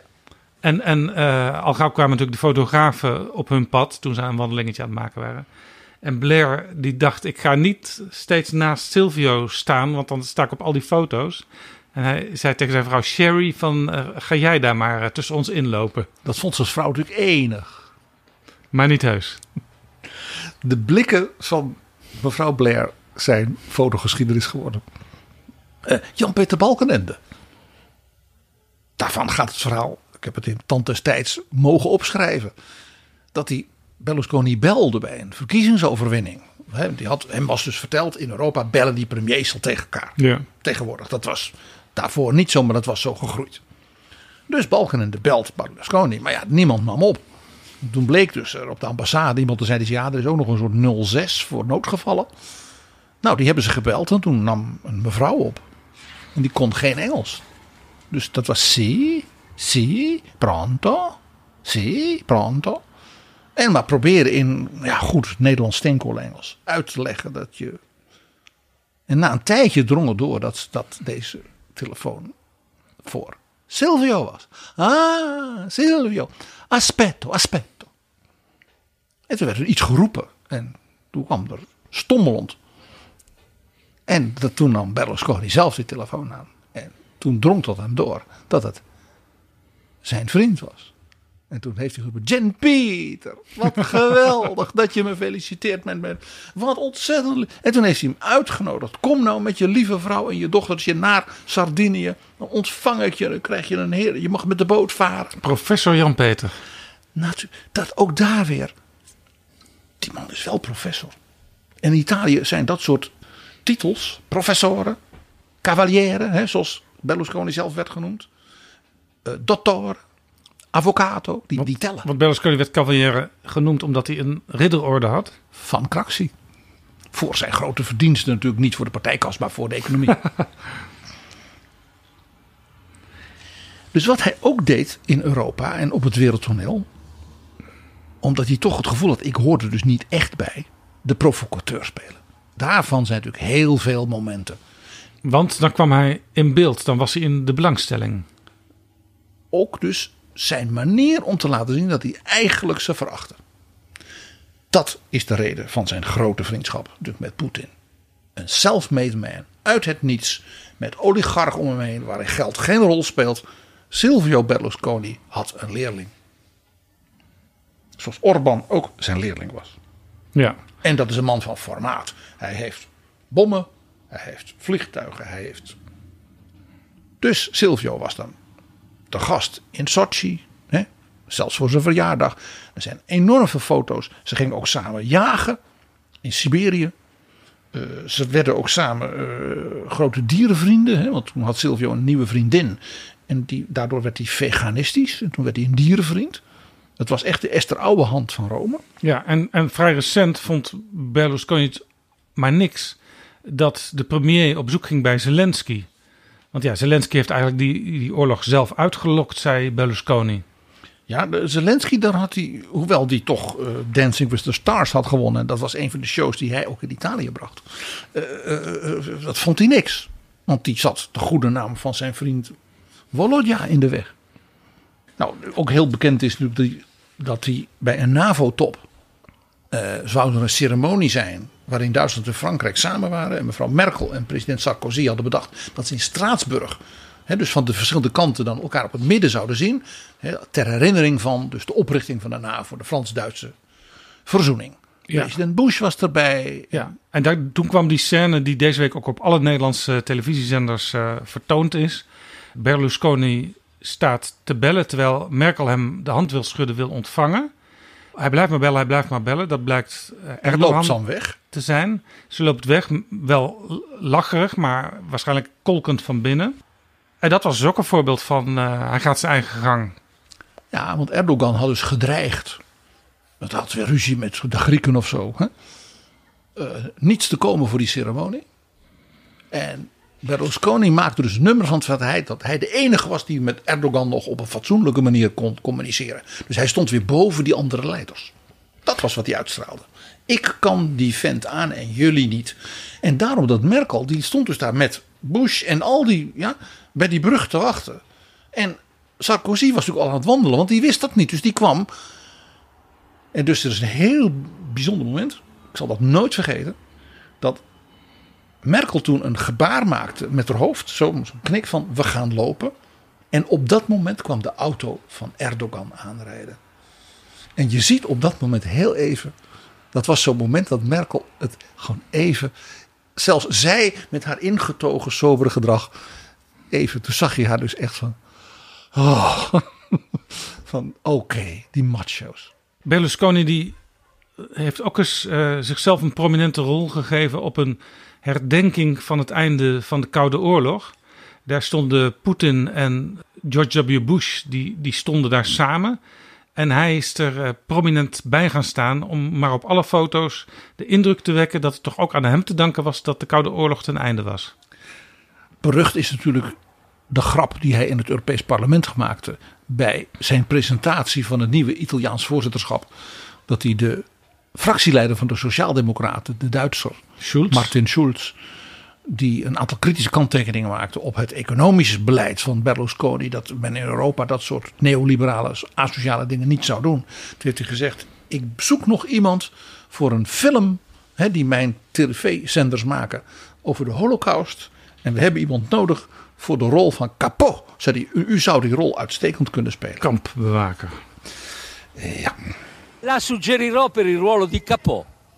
Hij heeft op het congres van de Europese Christendemocraten in Rome in 2006 een nooit uitgezonden speech gehouden. En daarin vertelde hij aan zijn vrienden: Ja, ik weet wel dat jullie nu hier zijn en ik ben de gastheer. Maar ik weet dat heel veel van jullie stiekem natuurlijk op mij neerkijken. Dat was wel heel opmerkelijk. Daar zat dus Merkel, daar zat Sarkozy, die zaten allemaal in de zaal. Toen kwam dus zijn ware gevoelens kwam boven. Want jullie denken dat ik, doordat ik zo rijk ben en al die tv-zenders heb, daar zijn jullie jaloers op. Dat ik de media in de hand heb. Jullie hebben geen idee hoe slecht ik word behandeld door de media. Je herkent nu een andere miljardair uit het vastgoed. En toen zei hij, hebben jullie de krant van vanmorgen gezien? Toen liet hij de Corriere della Sera zien. Voorpagina was dat de Chinese regering had geprotesteerd in Rome bij de minister van Buitenlandse Zaken over uitspraken van Berlusconi. Dat in China ze desnoods hun kinderen kookten als er te veel kinderen waren. Oh ja. En de Chinese regering zei, ja, dat, eh, waar hebben we dit aan te danken? En toen heeft hij gezegd, ik heb dat natuurlijk nooit gezegd. Dat heb ik nooit gezegd. Maar zo'n krant, voorpagina. Zo slecht word ik behandeld. Maar jullie willen dat niet weten. Dus die hele Europese top die zat elkaar aan te kijken van. In datzelfde Europese eh, verband. Dat was in het kasteeltje van Meissen even buiten Brussel. Daar kwam dus die Europese Christendemocraten top altijd bij elkaar. Voorafgaand aan de Eurotop. Dat werd altijd voorgezeten door Wilfried Martens, de oud-premier van België. Die was bijna al twintig jaar voorzitter daarvan. Een uitstekende vergadervoorzitter, oudere heer. Heel rustig. Precies wat je moet hebben. En dat was vlak na de verkiezingen in Italië van 2006. En die had Berlusconi tegen alle verwachtingen in nipt verloren. Zodat Romano Prodi de nieuwe premier zou worden van een soort middenlinks kabinet. Maar de uitslag was zeer nipt. Romano Prodi, die toen net president van de Europese Commissie was geweest. Precies. En die was dus een belangrijk Italiaan in Brussel en die ging hem dus opvolgen. Dus dat was dubbel pijnlijk. Dus Martens die zegt van begin van de vergadering misschien is het een goed idee dat we even langs een aantal recente ontwikkelingen langs gaan. Bijvoorbeeld onze Italiaanse vrienden. Nou, jullie hebben natuurlijk nu een soort evaluatie onderling wel gedaan. Wat kunnen we hiervan leren? Wat kunnen we ook als Europese geestverwanten de komende jaren doen om jullie te helpen met goede onderwerpen? Dus hij geeft eerst het woord aan de kleine christendemocraten van de UDC, zoals die partij heet. Een beetje katholieke, vrome vakbondspartij. En die man houdt een verhaal van, nou, onze uitslag viel wel mee, want de uitslag, dat verlies zat nou bij Berlusconi. En we willen dus wat meer nadruk leggen op de sociale aspecten van in de samenleving. De, de armen. En we gaan kijken of we die pro die misschien kunnen verleiden, dat hij een aantal van onze voorstellen overneemt. Zodat we invloed kunnen uitoefenen. Ja, zodat je toch je, je invloed maximaliseert binnen de gegeven omstandigheden. Dus Martens zegt van dat lijkt mij een hele verstandige lijn. En jij zei, die man, de Udici-man zei, kijk dat kabinet, daar zitten een aantal hele linkse eh, splinters die dat overeind moeten houden. Dus als wij dat aanbod doen, gaat Pro ja zeggen. Dat leidt tot gedoe in die coalitie, die zit geen anderhalf jaar. En dan hopen we, nou, Martens die zei, verstandig, verstandig. En die zegt, Silvio.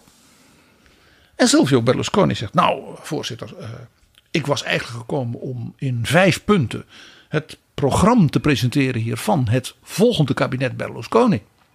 Want die verkiezingen, dat is natuurlijk fraude. Dat is gewoon niet waar. Hoax. Precies. Ik ga naar het Hoge Rechtshof. Ik heb voldoende bewijzen.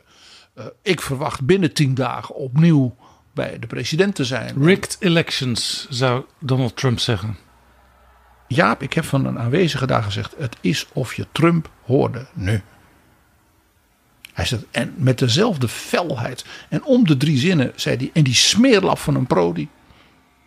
Wat ook een hele keurige economieprofessor is. Ja. Heel saai. Ja. Heel... Met wie ook Frits Bolkestein, toen die eurocommissaris werd voor Nederland, het goed kon vinden. Want Prodi was toen zijn president. En dat was net als Bolkestein iemand die van heel veel literatuur en dikke boeken hield. En die konden het dus heel goed, ook intellectueel, waren die aan elkaar gewaagd. Dus Berlusconi heeft minutenlang verteld dat hij de belastingen ging verlagen. Nou, al die dingen waar infrastructuur, hè, ging hij allemaal nu doen. En die smeerlap van een linkse dit en die communist van een Prodi. En je begrijpt, die Europese leiders die zaten allemaal naar het plafond te kijken. En nou, toen hij klaar was met de eerste rant, toen zei Wilfried Martens, uh, grazie Silvio, grazie. en nou, die ging toen even zijn papieren kijken. En toen ineens draaide hij zich naar zijn linkerkant en zegt tegen de secretaris-generaal, uh, what is on the agenda? even een totaal ander onderwerp. PG Prodi die bleef nog een tijdje doorregeren. Maar op een gegeven moment nam Berlusconi het weer over. En toen kwam er ook een financieel-economische crisis. Berlusconi werd opnieuw premier. Ja, hij werd langzittende. Hè? Uh, toen de eurocrisis en de kredietcrisis uitbarsten. Ja, in totaal vier kabinetten geleid. Ja. En ja, de Europese leiders die hadden uh, natuurlijk een hele serie landen die op omvallen stonden. Ierland, Portugal, Spanje, en vooral Griekenland. Maar het grote gevaar was natuurlijk die hele grote economie van Italië. Ja, Italië belangrijk voor het BNP van Europa in totaal. Maar ook een lastig land als het gaat om het financiële beheer. Ja, en daarbij kwam dat Berlusconi gedurende de kredietcrisis, dus 2009, 2010, zei: Het enige land in Europa dat nergens last van heeft, is Italië. Hier zag je dus weer Dottore Dulcamara, ja. de wonderdokter. Want, zei hij, jullie, zei hij dan tegen de Duitsers, de Fransen, de Nederlanders. Ja, jullie, haha, jullie hebben allemaal banken en dit. Ja, uh, Jan-Peter, jij moet die banken redden met Wouter Bos. en Yves Le Terme. Ja, en Merkel, al die landesbanken van, van Beieren en van Hessen, allemaal failliet. Niet in Italië. Onze banken zijn zo gezond. En dat komt omdat die zijn allemaal regionaal, dan wel van de katholieke kerk. En de gewone Italiaan heeft daar zijn spaarcentjes. Dus wij lenen als Italiaanse regering van die banken. Die kopen dus onze staatsschuld. En we zitten dus helemaal goed. Klinkt plausibel. Ja, het was alleen zo dat de internationale financiële wereld daar niet zo van geloofde. Want die zei, die banken zijn allemaal zo ondergekapitaliseerd. Die vallen allemaal om. Er is een fascinerende documentaire gemaakt waarin zowel Barroso als Sarkozy vertellen over hoe ze in 2011 op Silvio Berlusconi gingen inpraten van ja, je kunt dat wel blijven volhouden dat Italië zo gezond is, maar dat is het niet. We willen je helpen. Europa kan je helpen, maar dan moet je dus wel bereid zijn te erkennen dat je deel van het probleem en daarmee deel van de oplossing kunt zijn. En dus ook bereid zijn om harde maatregelen te treffen. En dat verhaal wat ik zei, hè, zijn verkiezingsprogramma, belastingverlaging, minder regels, het gaat allemaal helemaal vanzelf. Dat kun je dus dan niet meer houden. Maar hij dacht nog steeds met die Banco Spirito en hoe ze allemaal heten, eh, redden we het wel. Banco di Santo Spirito. Ja, de, de, de bank van de, van de Paasberg, de Monte di Paschi. Ik geef eerlijk toe dat ik daar altijd, als was, geld ging halen. Alleen al vanwege de naam. Luister even naar Sarkozy. J'ai à Berlusconi, même si c'était difficile à entendre pour lui, c'est pas l'économie italienne le problème. Le problème de l'Italie, c'est toi. Les hauts taux d'intérêt en Italie, c'est toi. Et si tu veux rendre service à ton pays, tu dois laisser la place. En na een eurotop, waarin dus dit nog een keer geprobeerd was, vroeg een Franse financieel journalist aan het duo Mercosi, zoals ze dat noemden. Heeft u de overtuiging gekregen uit uw gesprekken met premier Berlusconi dat ook Italië nu de noodzakelijke stappen zal zetten? Die vraag was natuurlijk ingestoken. Qu'avez-vous dit exactement à monsieur Berlusconi Est-ce qu'il vous a euh, donné des engagements sur de nouvelles réformes en Italie euh, Est-ce que vous êtes rassuré après l'avoir entendu, euh, alors que l'Italie est de plus en plus dans la ligne de mire, notamment des agences de notation?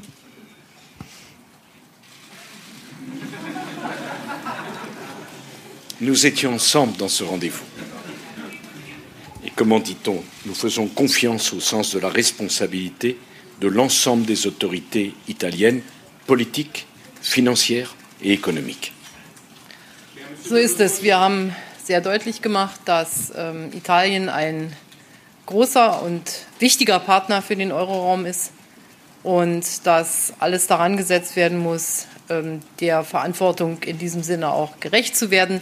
Und ich glaube, dass ähm, wir das auch als ein Gespräch unter Freunden verstehen können. Und ich hoffe, dass ähm, die notwendigen Maßnahmen auch getroffen werden. Denn Vertrauen wird alleine durch einen Schutzwall nicht entstehen, sondern Vertrauen bedarf auch immer einer klaren Perspektive. Und Italien hat eine große wirtschaftliche Stärke, aber Italien hat eben einen sehr hohen Gesamtverschuldungsstand. Und der muss glaubwürdig in den nächsten Jahren abgebaut werden. Ich glaube, das ist die Erwartung an Italien. Je ziet Merkel kijken naar Sarkozy. En Sarkozy naar Merkel. En het gezicht van Merkel begint ineens in een soort gezicht. Grumpy. Ja. En Sarkozy begint te grinniken. En zij knikt, want het was een Franse journalist. Dus jij mag antwoorden, weet je wel zo. Waarop hij, waarop hij dan zegt, la chancelière de kanselier en ik, wij waren beide bij het gesprek. En wij hebben de overtuiging dat de politieke, economische, institutionele, sociale en maatschappelijke top van Italië volstrekt begrijpt wat nodig is. Nu nog even kijken of de premier dat ook doet. De vertaling hiervan is dat dus de dagen daarna de top van het Italiaanse bedrijfsleven, mensen als Mario Draghi van de bank, de Italiaanse eurocommissaris en de voormalige eurocommissaris Mario Monti, nu de baas van de grootste universiteit, bij elkaar zijn gaan zitten. Het schijnt dat Merkel via de telefoon verbonden was met die vergadering en daar is besloten dat men Silvio Berlusconi zou melden dat hij moest aftreden. En dat dus Mario Monti het zou overnemen. Dus, dus Berlusconi is tot aftreden gedwongen door zijn geliefde Europa. En sterker dus nog door de Europese Christendemocraten door Sarkozy en Merkel. En toen is dus tegen hem gezegd in het Italiaans: Silvio, als jij niet dimetti, afstreed, Italia crolla, stort Italië in.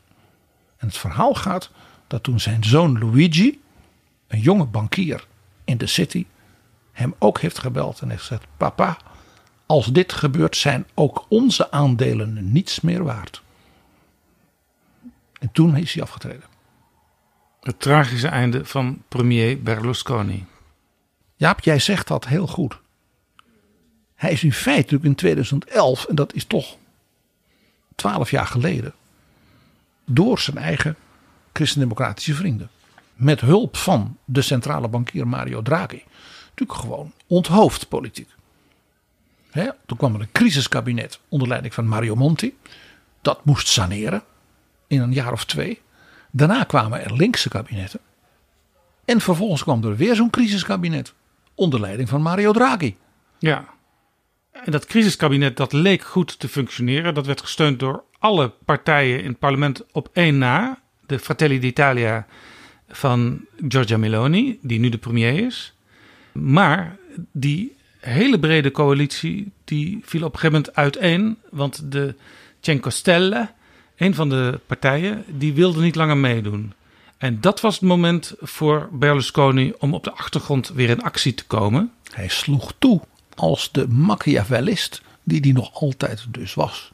Want Salvini en Meloni, eigenlijk de opvolgers van de leiders met wie Berlusconi vroeger coalities vormde, die zaten bij hem thuis in dat, in dat fameuze huis met dat landgoed. Bij elkaar om te praten, hoe gaan we nu verder? En die opmerking van mevrouw Meloni, hij was de lijm, slaat hierop. Silvio Berlusconi heeft gezegd, ik ben bereid tot een soort coalitie van ons drieën. Dus weer zo'n nieuwe, weer nieuwe partij. Hè? De Polo Libertà, Popola Libertà, Casa Libertà. Nu was het Centro Destra. Centrum rechts. En hij was centrum. Daarbij. En onder één voorwaarde. Ze moesten natuurlijk zijn verkiezingsprogramma. Nou, die hele lijst dingen, inclusief die brug naar Sicilië, hè, waarvan de maquette op instorten En dat staat. geldt voor de gepensioneerden. Dat staat allemaal in. En de Europese koers. En de Europese koers. En dat moest Meloni en Salvini slikken. En uiteindelijk heeft het president Mattarella van de Republiek, die dat niet wilde, die verkiezingen, moeten slikken. En heeft toen afgedwongen met steun van Berlusconi, die speelde dus ook dan weer zijn eigen spel. Dat dus mevrouw Meloni dan premier zou kunnen worden als ze de verkiezingen won.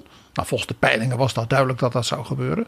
Maar dat dan Mario Draghi achter de schermen in feite zeg maar de godfather, om geen ander woord te gebruiken op zijn Italiaans, ten aanzien van het internationale en het economische en Europese beleid zou zijn.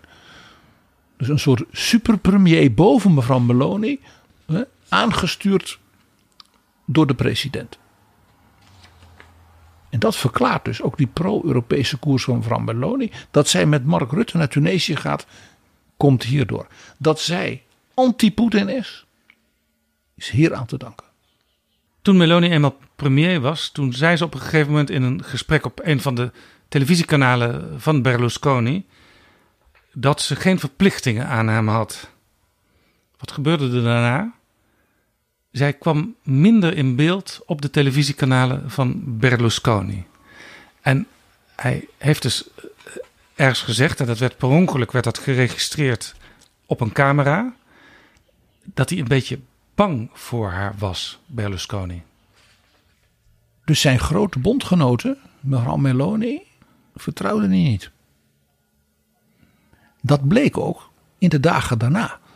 Want toen is hem iets overkomen wat zeg maar Kajsa Ollongren ook overkwam in een kabinetsformatie. Hij werd gefotografeerd in het parlement. Oh ja. Met een mapje. Met een lijstje namen van kandidaten voor het kabinet. En namen die hij had doorgekrast. En namen waar hij dus dingen achter had geschreven. Bijvoorbeeld, die kan niks. of die wil ik niet. Of zonder die doe ik het niet. En toen stond er bij Meloni: ze moet niet denken dat ze alles krijgt. Ai. Af en toe hoor je in betrouwbare bronnen een advertentie, maar vaak ook niet. En dat is jammer, want we hebben graag meer adverteerders. Want ook daarmee houden we betrouwbare bronnen online. En je bereikt via betrouwbare bronnen een interessant publiek van mensen, ook een groot publiek van mensen. Heel veel jonge mensen. Met grote maatschappelijke politieke belangstelling.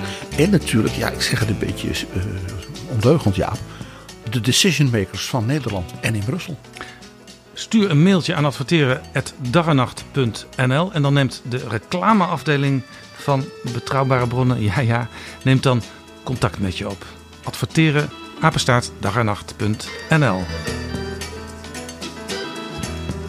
Viva l'Italia, forza Italia! Maar nu, hij is er niet meer, Berlusconi. Giorgia Meloni is premier. Met de partij van Salvini gaat het niet goed in de peilingen. Wel met die partij van Meloni. Overigens, de dagen na het overlijden van Berlusconi steeg ineens uh, Forza Italia in de peilingen, wel 5%. Maar je zou kunnen zeggen, misschien PG, dat voor Meloni de weg open ligt naar nog groter succes. Want het kiezersvolk dat door Berlusconi lang geleden werd wakker gekust, eh, dat is natuurlijk available nu ook voor haar partij. Dus vraag 1 is: gaat Forza Italia door als een soort nostalgische club die voortdurend in tranen uitbarst als ze denkt hè, aan Silvio? Met wie er ongetwijfeld altijd wel iemand een lijntje met Silvio heeft? Of gaat bijvoorbeeld de vicepremier, minister van Buitenlandse Zaken, oud voorzitter van het Europees Parlement, meneer Tajani, die partij in Berlusconiaanse zin naar een soort fatsoenlijke middenpartij, onderdeel van de EVP brengen. Maar ik voorspel jou, er kunnen nog gekkere dingen gebeuren. Misschien zelfs wel richting de Europese verkiezingen. Ik sluit niet uit dat mevrouw Meloni aan meneer Tajani aanbiedt als wij nou samen gaan. Ik ben toch heel pro-Europees gebleken nu. En dan wil ik ook wel onder jouw vlag mee naar de Europese Christen-Democraten in de EVP bij de verkiezingen. Zodat dan de EVP in Italië ineens zeg maar die 10% van Forza en die 30% van mevrouw Meloni gaat krijgen. Ja, want de partij van Meloni die zit nu in de ECR in het Europees Parlement. Maar dat is niet echt een machtige club daar. Daar zit ze met Eertmans. En de Poolse partij zit daar ook in. Die zijn daar dominant. En Salvini zit daar ook in. En die, daar gaat het slecht mee. En daar, die wil ze het liefst natuurlijk de nek omdraaien op rechts. Dus het zou best kunnen dat zij zoete broodjes komt bakken met de Christen-Democraten. Dat ze dat doet via meneer Tajani, die dus een zeer gezaghebbend politicus is in Europa. Wie weet waar die gekke Silvio van op zijn wolk nog voor gaat zorgen. Ik zag een peiling, PG, gebaseerd op de politieke moed in alle Europese lidstaten. Eh, van hoe, als er nu verkiezingen zouden zijn, het Europese parlement er volgend jaar ongeveer uit zou kunnen komen te zien. En daar was maar een verschil van een zetel of twintig tussen de grootste stroming, de, de Christen-Democraten en Conservatieven, en de Sociaaldemocraten als tweede stroming. 20 zetels is natuurlijk maar een heel klein verschil in zo'n parlement van zeg maar 750 leden. Dus, dus elke partij die wat extra zetels kan binnenbrengen is welkom. En zeker in een van de grootste landen. En als er dan ook nog in Duitsland een beetje meevalt met de CDU en in Spanje hè, de Partido Popular een mooie uitslag binnenbrengt, want die doet het ook goed in de peilingen, dan zeggen die Christen-Democraten: Nou, we zijn weer dominant en de grootste partij. Dus de dood van Berlusconi kon wel eens een geheel onverwachte impact hebben op de Europese verkiezingen.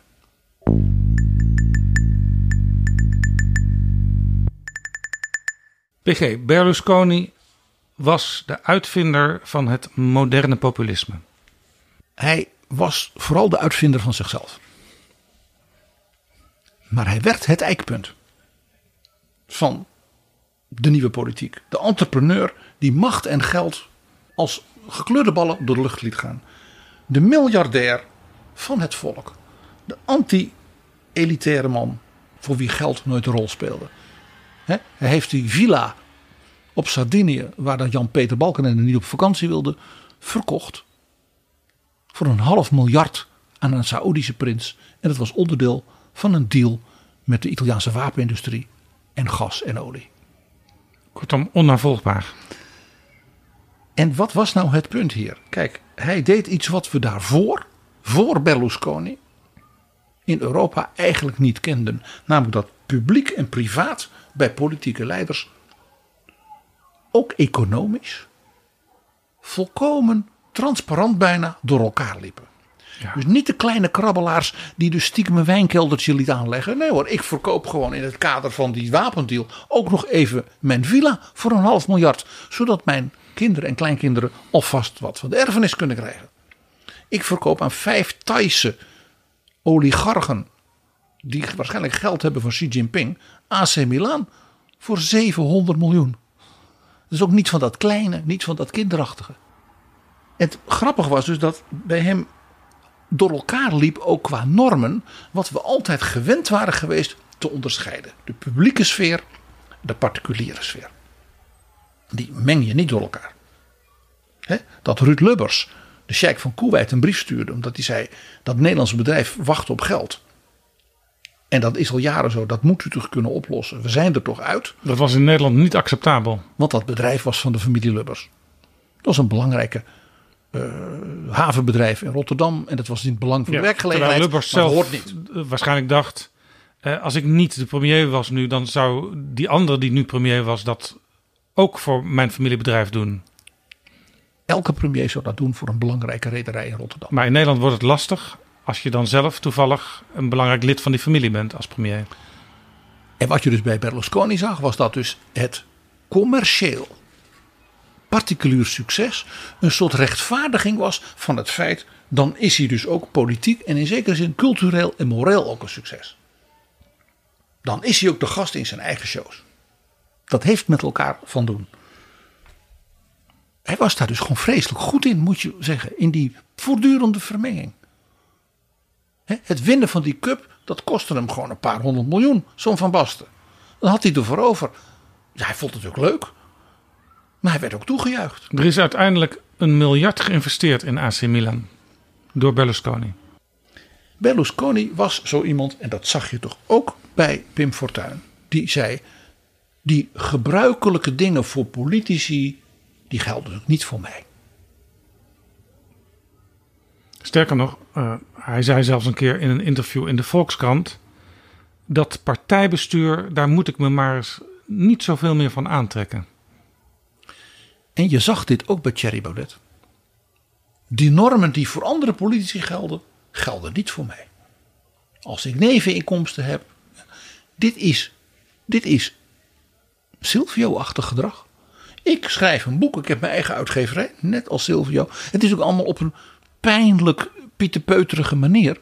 Maar het is dezelfde gedachte. Normen voor gewone politici, kartel, die deugen sowieso al niet, maar die gelden niet voor mij. Trump ik heb er recht op dat ik die documenten meeneem. Hij heeft het openlijk gezegd. Ik, ik mag dat doen. Want ik ben de president geweest. Het is volstrekte onzin. En als ik Trump weer president word, dan ga ik Joe Biden vervolgen. Het bijzondere daarbij was dat Berlusconi ook die wat eigenzinnige, om geen ander woord te gebruiken.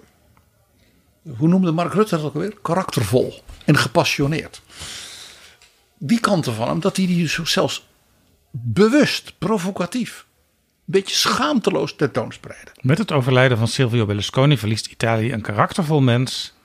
Hij blijft in mijn herinnering als een markant en gepassioneerd politicus. Ja, ik zal wat markant is en karaktervol en gepassioneerd nog even kort langslopen. Silvio was natuurlijk de man van het voetbalsucces. Ja. Silvio was altijd zo zei een vriend van mij die hem heel goed heeft gekend, zei van, kijk, waarom was Silvio stiekem toch altijd wel leuk? Het was een qua jongen. Hij maakte foute grappen.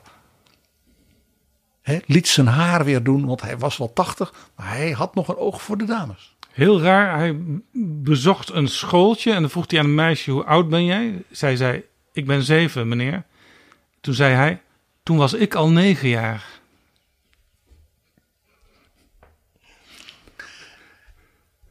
Er is mij verteld een scène dat hij op zo'n eurotop van de Europese Christen-Democraten was. En heel veel mensen, er waren ook allemaal jongeren erbij. En er was zo'n groepje jonge vrouwen van zeg maar, het CDJA en de Deense en, hè, partij. Leuke, knappe, jonge, blonde dames. En die werden gefotografeerd door een jong lid van het Europees Parlement. En die waren medewerkers van die fractie. En Silvio Berlusconi staat dus met een aantal heren te praten. Met de rug daar naartoe. Hij heeft die foto gemaakt. Nou, nog eentje. En Silvio draait zich om en die zegt: E fatto? Is het gebeurd? En met een brede grijns gaat hij armen om die dames heen. Wil hij nog een keer op de foto met hen samen. E se qualche volta eh, mi, mi succede di guardare in faccia una bella ragazza, meglio essere appassionati delle belle ragazze che gay. Quindi Een qua jongen. Silvio was natuurlijk ook de charmezanger. Op cruiseschip. Ja, maar ook nog daarna. È una felicità che tu dici a me. Te voglio che te voglio sulla te E monca tu stai cá Tu saccia già fa. Si dà già fa sentire sta canzone quando tu Passavi sto guaglione soltanto un anno fa Dicendo piano piano Dicendo dolce dolce Amore, amore mio, mon amour. Het is nooit een feest als Silvio niet is geweest. Had hij niet een eigen CD, Jaap? Met eh, een soort van greatest hits. Samen met de zanger Mariano Apicella. Dat was toch zijn favoriete gitarist uit Napels. En het was ook iemand die verzeild raakte met Berlusconi in die rechtszaak Rubygate. Wat was dat ook alweer voor een zaak? Ruby was Ruby Rubacuori. Dat is Italiaans, want dat was een, zeg maar, een artiestennaam. Rubacuori betekent hartedief. En toen En- zij werd opgepakt op straat omdat ze wel erg opvallend eh, tegen heren deed, terwijl ze minderjarig was, heeft Berlusconi een minister uit zijn kabinet naar de politie van Milaan laten gaan en gezegd dat er een diplomatiek incident zou komen als dat meisje zou worden vervolgd. Want zij was het nichtje van president Mubarak van, Van Egypte. Ze was gewoon de dochter van Marokkaanse immigranten. Want ja, dat is ook Silvio. Silvio, de verleider zelfs van tienermeisjes. En eh, dat meisje, die Ruby, ehm, was minderjarig. En Berlusconi zou seks met haar hebben gehad op zo'n Boonga Boonga party bij hem thuis. En daar was altijd ook die zanger Mariano Apicella aanwezig. En op een gegeven moment leek het erop dat hij geld zou hebben gekregen van Berlusconi om te liegen in zijn getuigenis. Daar is overigens geen bewijs voor gevonden. Dat is heel vaak ook het karakter geweest van zaken tegen Berlusconi. Hij is geloof ik 37 keer voor de rechter geweest. Heel vaak was het een spannende zaak, maar bleek er toch uiteindelijk te weinig bewijs om hem echt te kunnen veroordelen. Dat is wel uiteindelijk gebeurd natuurlijk met een belastingkwestie, hè? belastingfraude. Ja. En toen mocht hij ook, eh geloof vier jaar het publieke ambt niet uitoefenen. Maar bij alle andere dingen is hij desnoods in hoger beroep. Ja, en Berlusconi hoefde de bak niet in, want hij was al boven de 70 en hij mocht het doen met werk in een bejaardenhuis. Ja. Dat was natuurlijk Silvio de zielepiet. Het slachtoffer. Hè? Klagen tegen de hele Europese top. Dat de kranten zo onaardig over je zijn. Er was natuurlijk Silvio de gulle, schaamteloos cadeautjes geven aan iedereen. Dat je denkt, zou je dat nou wel doen? Kijk, Silvio was de man die voor het eerst dus politiek maakte tot... als het niet luchtig entertainment is, dan is het geen goede politiek. Hij is de vader van Jair Verwerda en Voetbal Insight. En ook zonder Silvio hadden we niet Pim Fortuyn gehad met zijn lakschoenen, zijn hondjes en mens gaat toch koken. Hij sloeg daarmee de brug tussen de oude politiek van na 1945 en de 21ste eeuw. Dus al met al, als je het allemaal vertelt zo op een rijtje PG, is het niet zo vreemd dat overal in de wereld de televisiejournaals de afgelopen week openden met het verschijnen van Silvio Berlusconi. Want dat hij invloed had, dat staat vast. La Repubblica, die kop, was de beste. La fine di un'era, maar misschien ook het begin van een era. En ja, ja, we moeten toch met opera dan eindigen weer. Hè? Er is natuurlijk een opera-aria die gaat over dat leven van Silvio Berlusconi. In het tweede bedrijf van de opera Tosca van Puccini. We zijn natuurlijk Italiaanse opera, dat kan niet missen. Waarin de grote diva, want Tosca is zelf een operazangeres die dus op het operatoneel zingt. En om haar geliefde dan te bevrijden uit de gevangenis, ja, je hoort hoe, hè, hoe Berlusconiaans het is, zingt zij de aria Visi d'arte, visi d'amore. Ik heb geleefd voor mijn kunst en ik heb geleefd voor de liefde.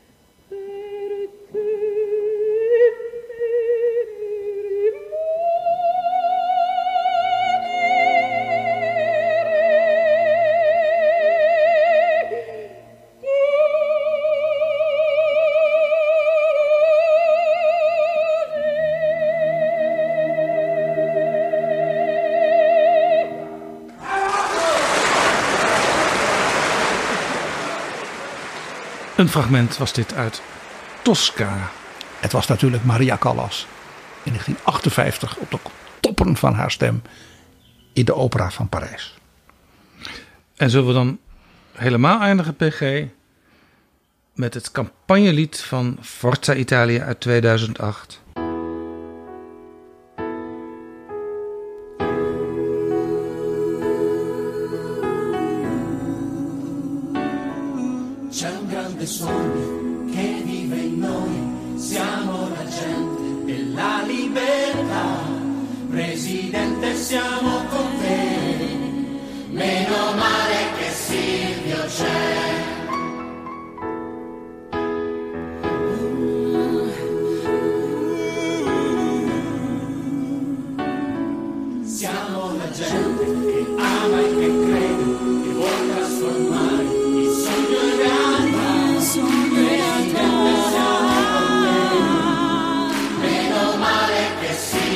Silvio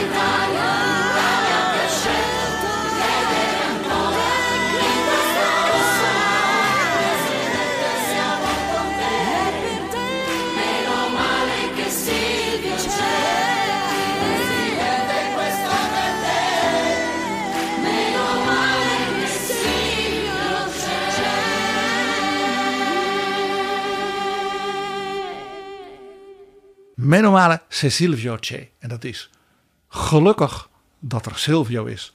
Presidente siamo con te. Premier, wij zijn samen met u. Tot zover de erfenis van Silvio Berlusconi. Dankjewel, PG.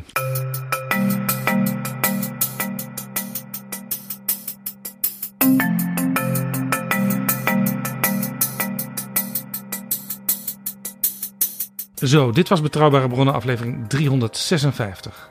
Deze aflevering is mede mogelijk gemaakt door de Europese Unie en door de vrienden van de show. Wil jij ons steunen met een donatie? Ga dan naar vriendvandeshow.nl slash bb en we beloven je, dan maken we nog veel meer interessante afleveringen. Want er zijn vast nog meer markante en gepassioneerde, karaktervolle mensen. Amici siamo con te. Tot volgende keer.